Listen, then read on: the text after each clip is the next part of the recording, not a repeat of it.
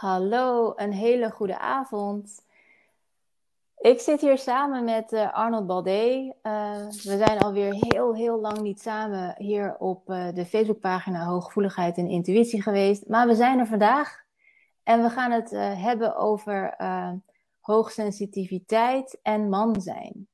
Yes. Dus ik ga Arnold even uitvragen. Hè, Arnold? Let, let's go. Ja, ben benieuwd. Ja, nou, ik ben benieuwd. Nou, als uh, eerste ben ik heel erg benieuwd naar welke van jouw zintuigen functioneren in jouw beleving echt optimaal? Uh, mijn gehoor.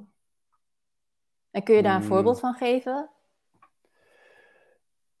Ja, nou ja, ik, ik, ik hoor eigenlijk alles al, al, al vanaf kinds af aan. Dan ben ik erg uh, bewust bezig met geluid en ook met um, met zelf, met, met ritmes maken en vooral met muziek.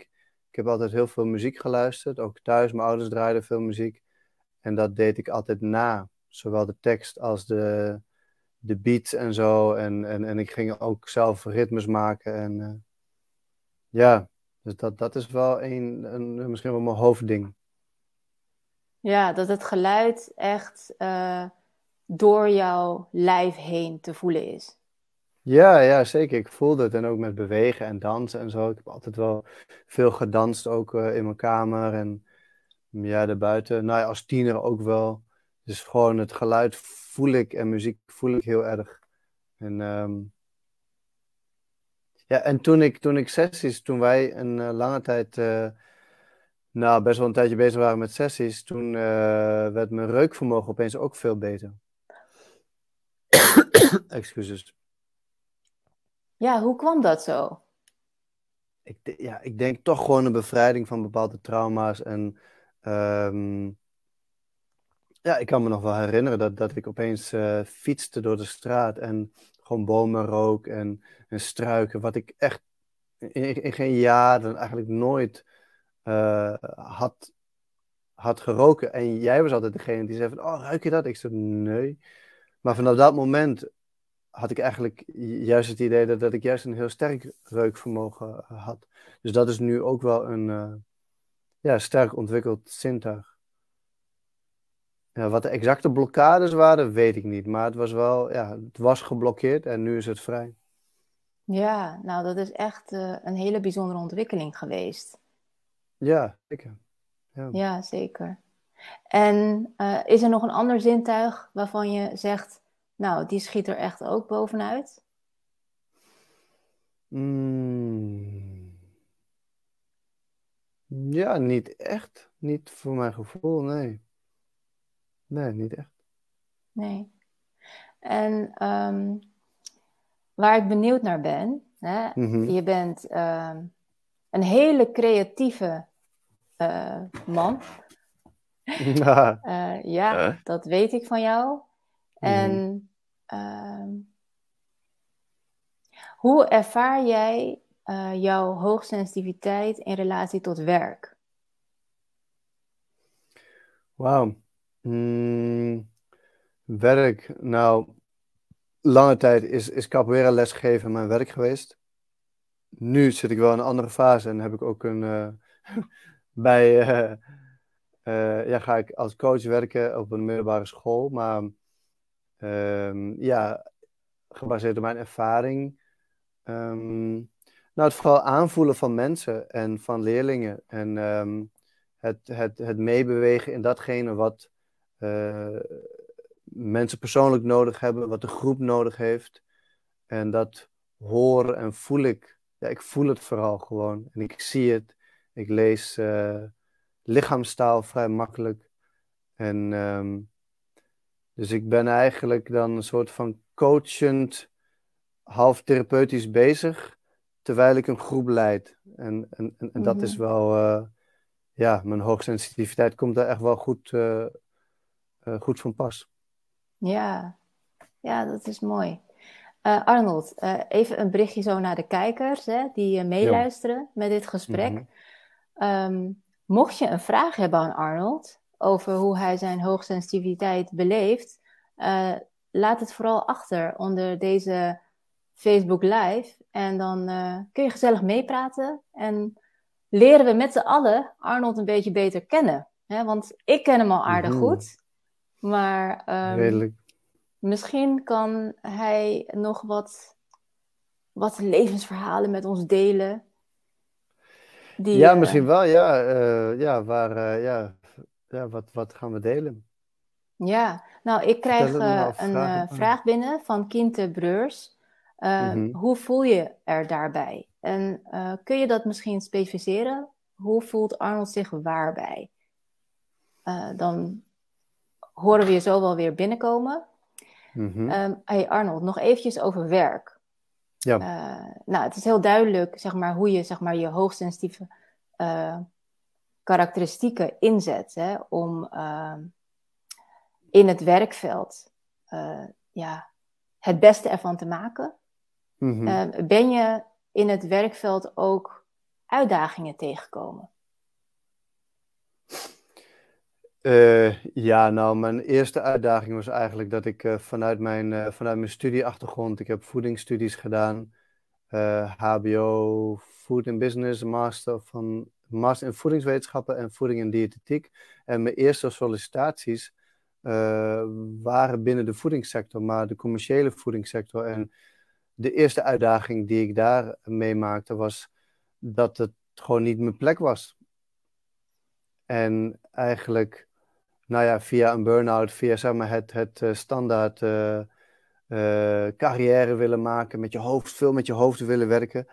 Maar dat, dat ging niet. En, dus dat was de eerste uitdaging. Dus eigenlijk gewoon het, het, het um, verschuiven van carrièrepad en werkpad. En op een gegeven moment ben, ben ik dus terechtgekomen um, als, als ja, capoeira docent. Ik heb mijn eigen capoeira school opgezet. En um, ja, de uitdagingen die ik daar tegenkwam, ja, was toch uh, vooral met kinderen werken. En uh, als ik met kinderen werkte en dat ik dan zelf zeg maar, een idee had over de les en, en over hoe het, um, hoe het zou moeten gaan. En dat zij dat mhm. niet deden. En dat dat mij, bij mij frustraties teweegbracht. En dat ik ook wel gewoon echt gewoon gefrustreerd reageerde. En uh, dat was in de begintijd. En um, ja, dat was denk ik mijn grootste uitdaging. En ik heb daar ook wel geleerd om dat dus los te laten. Dat het echt, en dan komt het coachende wat ik nu meer doe, echt vanuit de mens zelf en vanuit de groep uh, leiding geven en lesgeven. In plaats van vanuit mijn wens, vanuit mijn ja, uh, gedachten over hoe het zou moeten zijn. Ja. ja, dat is ook een hele goede les. Excuses, kriebeltje. Ja. We hebben een uh, bericht binnengekregen van Kim van der Vorst. Uh, ze zegt, Arnold, wauw, petje af, want het is toch moeilijk om in balans te blijven als, als er van alles binnenkomt. En hmm. vervolgens krijgen we twee vragen binnen uh, van Kim en van Angela. Hoe blijf je in balans? Ja, nou, ik denk dat, dat dan de, de illusie van balans wil ik wel delen, die ik zelf ervaar. Want ik ben niet in balans. Ik heb vele dagen dat ik. Um, kijk, dan is. Ja, ik heb vele dagen dat ik gewoon uh, piek, zeg maar, qua blijheid, vrolijkheid, creativiteit en passie. En andere dagen voel ik me gewoon een hel en half dood. En ik denk dat dat de balans is. Dus dat zowel de, de, de, de overprikkeling of de, de, de heftige, zware dagen of momenten. Het zijn vaak momenten. En dan is de vraag van hoe ga ik dan, hoe verander ik die zware momenten een, uh, weer naar lichte, lichte momenten zonder, zonder veel prikkels. Um, dat kan ik wel beantwoorden. Dat is ja, vooral mijn, uh, mijn routines. Dus uh, mediteren, ademhaling, rebirthing, bewegen. Um, in de natuur zijn. Gewoon echt letterlijk verbinden met de natuur. Gewoon een half uur of een uur op het gras zitten. Schrijven. Dus eigenlijk alles wat me weer verbindt met mijn nature, natuurlijke zelf. En um, mijn hoofd uitschakelen. Mm, en, en dat is nog iets wat ik nog moeilijk vind, maar het is ook wel uh, iets uh, verbinden, vaker verbinden met mensen, gewoon delen, mijn verhalen delen, met vrienden in contact zijn. Maar dan moet ik zeggen dat dat is wel iets wat, waar ik heel blij van word. Alleen ik vind het vaak nog moeilijk om dat uh, te realiseren, omdat ik erg in mijn eigen wereld leef. Um, maar goed, dat, ja, uh, ja stap voor stap. We krijgen een uh, bericht binnen van Jerny Mulder. Ze zegt heel yes. herkenbaar om je werk aan te passen naar je voelen en je gevoel te volgen. Ik ben ook twee mm. jaar geleden gewisseld met werk, doordat ik mij niet meer thuis voelde in de commerciële sector. Fijn te horen, mm. niet de enige te zijn. Ja, joh. Ja, het is zo heftig. Ik, het is mij dus geen eens gelukt om erin te gaan werken. Ik werd geen eens aangenomen omdat ik heel passievol over koken begon te praten. Inderdaad. Als, als, als, voedingwetenschapper. Dus die, die, die, die PhD-professor dacht echt van, wat heb ik hier nou weer? Iemand die kan onderzoeken en uh, research kan doen en gepassioneerd koken. Nou, dat, dat kon echt niet samen. Um, ja, het is, het is denk ik een blessing om, om echt uh, te ontdekken dat je, dat je ergens wel of niet thuis hoort. En ja. uh, soms, soms is dat een harde leerschool, maar... Ik dacht dat je zou zeggen, het is een blessing als je wordt afgewezen binnen de commerciële sector. Omdat je dan misschien sneller weet je, in contact komt met hetgene wat je uh, wel, zeg maar, de energie geeft en de voldoening. ja, waar je gewoon van opbloeit. Ja, ja, misschien ja, sneller. Ja, ieder uh, zo zijn proces of zo'n zo'n haar, ieder zijn of haar proces. Ja, ja inderdaad. nou, om terug te gaan naar hoe je in balans blijft. Hè, en dat het voor jou dus um, eigenlijk een illusie is. Hè, dat er eigenlijk niet echt balans is, maar dat er gewoon dagen zijn dat het gewoon goed gaat. En dat je uh, vol zit en misschien wel um, ja, zo vol dat je echt enorm veel aan het geven bent en uh, je geïnspireerd voelt, veel aan het maken bent vanuit je creativiteit, maar dat je daarna ook wel weer op die dagen komt uh, waarbij het gewoon wat minder stroomt. Hè? En dat het misschien wat vlakker is en dat je dan meer bezig bent eigenlijk met ontladen. En dat dat voor jou eigenlijk het evenwicht is. Ja, ja, ja zeker. En, en ook wel gewoon op dagen zelf. Dus dat, dit wat je nu uh, schetst, zeg maar, van soms, soms uh, een dag zo, een dag zo. Uh, dat gebeurt vaak gewoon binnen één dag. Maar ja. het is vooral het leren, het leren omgaan met, um, met die overprikkeling. Met, nou, bijvoorbeeld vandaag. Ik heb vandaag zes uur in de trein gezeten. Uh, en, en, en ook in de bus van Meppel naar Zwolle.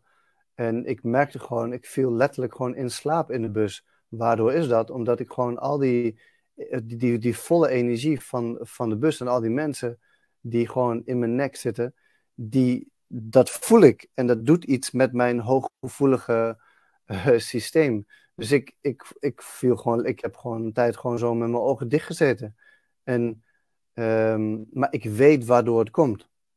Dus ja. het is niet zo van, oh, het is niet dat ik naar die, uh, dat ik naar de drama kan gaan. Van, oh, dit is, oh, ik heb zo slecht Oh, ik moet nog helemaal, nog helemaal met de trein zo meteen. En, weet je, ik kom niet in die modus. Dus ik weet gewoon, oké, ik ben nu overprikkeld door al deze energieën. Zometeen ga ik lekker buiten, ga ik goed diep inademen, mm-hmm. even in de zon zitten.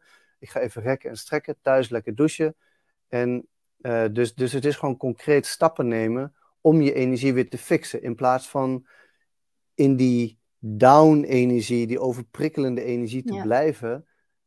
Uh, en dan maar heel veel te gaan eten en uh, uren gaan Netflixen totdat je ja. neervalt. Ja. Ja. Wat ik in je verhaal hoor is ook een bepaalde mindset. He, dus eigenlijk voordat je die stappen kan nemen om uh, je te ontdoen van de energie die je hebt geabsorbeerd door al die mensen mm -hmm. waarmee je in één omgeving was, dat je de mindset hebt dat je weet dat het komt door die energieën die je hebt geabsorbeerd. Mm -hmm. En dat je ook weet wat je te doen staat. Dus dat dat eigenlijk ook je de, de kracht verschaft en de ruimte in jezelf om ermee om te gaan in dat moment. Hè? Dus nou ja, Zeker, in het moment ja. sloot je je ogen. Dus het sluiten van ogen is inderdaad gewoon een manier om in ieder geval dan één zintuig uh, ja, niet te hoeven gebruiken. Hè? Mm -hmm. Dus uh, ja, maar die mindset is inderdaad echt, uh, echt heel erg belangrijk. We krijgen uh, een berichtje binnen van Stijn de Bakker. Dat is al eventjes geleden. Yep. Uh, Ik zal hem tonen. Hij zegt, uh, voor mij is het veel sporten. Nou, volgens mij kan jij daar uitvoerig op reageren. Hmm. Ja, zeker. Sporten is denk ik nummer één ontlading van mensen. En um, ik ja, ben inderdaad zelf ook een fanatieke sporter. En ik heb ook wel momenten gekend dat ik het niet zo fanatiek deed. Mm, en, en gek genoeg realiseerde ik me later dus van, oh, joh, ik ben gewoon minder aan het trainen. Oh, zal ik me daardoor iets minder fit voelen en zo. Um, en dus heb ik het weer opgepakt. En dat, uh, ja, dat, dat, dat is echt zo'n uh, zo'n basiselement van het leven. Kijk, nu lijkt het alsof het een keuze is. Oh, sommige mensen sporten veel, sommige mensen sporten weinig. Um, eigenlijk, als je gewoon als mens zijn uh, bekijkt, heb je allemaal gewoon uh, beweging en sport nodig. Niet twee keer per week, maar gewoon elke dag. Elke dag mhm. gewoon je lijf bewegen, op wat voor manier dan ook. En uh, nou, gewoon uh, gezonde verse voeding en, en, en water drinken. En als je die twee of die drie dingen gewoon combineert, dan ben je er al behoorlijk, zeg maar. Dus Stijn, ik, ik begrijp je helemaal. Ja, sporten, dat is, ja, is gewoon zo nodig.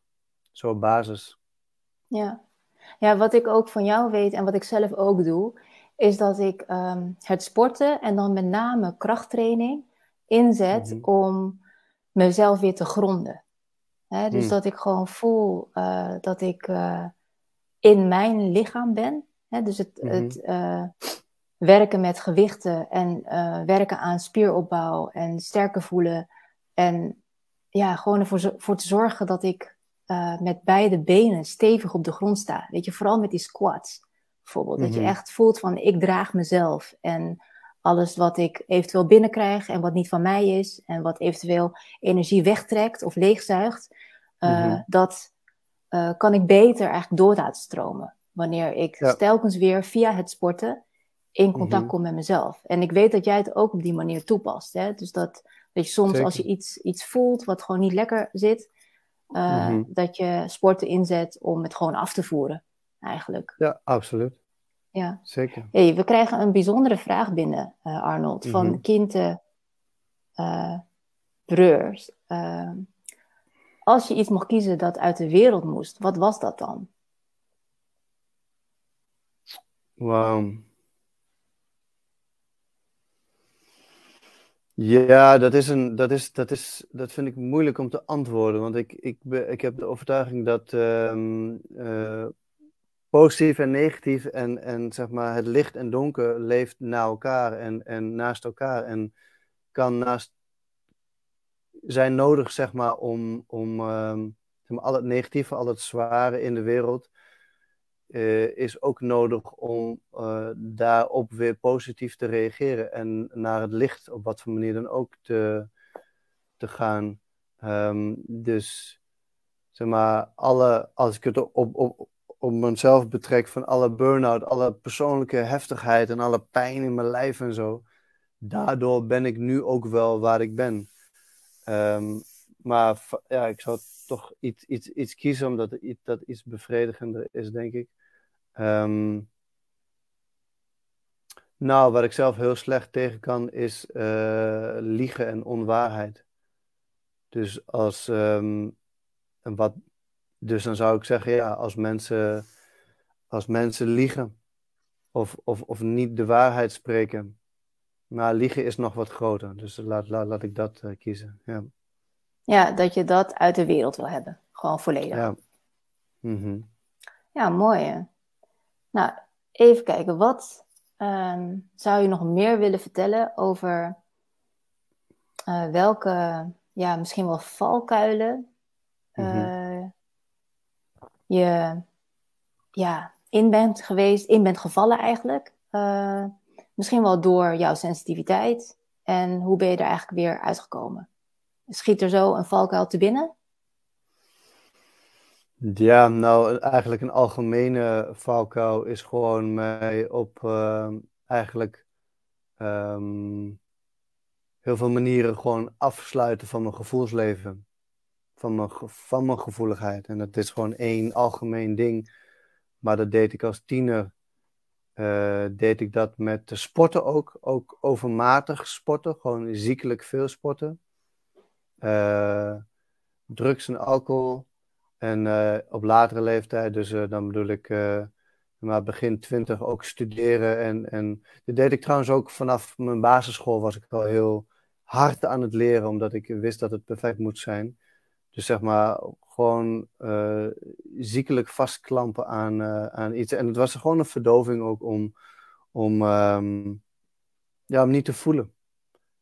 En, en, en ik denk dat dat voor mij, nou, dat is ook in de relatie met jou, mij ontstaan, zeg maar, toen ik ook toen ik de burn-out kreeg, uh, dat, dat, dat op een gegeven moment kon ik, kon mijn systeem niet meer. En ik moest wel gaan voelen, anders uh, zou ik doodgaan. Ja, dus de grootste valkuil was dus um, ja, het uh, ervoor kiezen niet meer te voelen. Ja, dan lijkt het op een hele wijze keuze, maar zo wijs was ik niet. Ik uh, onderdrukte gewoon als een idioot. Ja. Um, maar goed, dat is wel ja, waar het op neerkomt. Ja. Maar goed, dat was de valkuil en daar ben je dus uitgekomen. Ja. Hoe ben je daar uitgekomen? ja, nou ja, eh, eh, vooral met sessies, in het begin met sessies met jou. Toen, uh, en toen hadden we het over stotteren, dat ik vloeiend wilde praten en zo. Dat was het begin van onze coachingrelatie. Uh, voor de mensen die niet weten, Jamai heeft me heel veel coaching sessies gegeven. En als je denkt van, oh maar dat kan toch niet in een relatie, want we hebben lange tijd een relatie gehad. Uh, nee, meestal is het geen goed idee.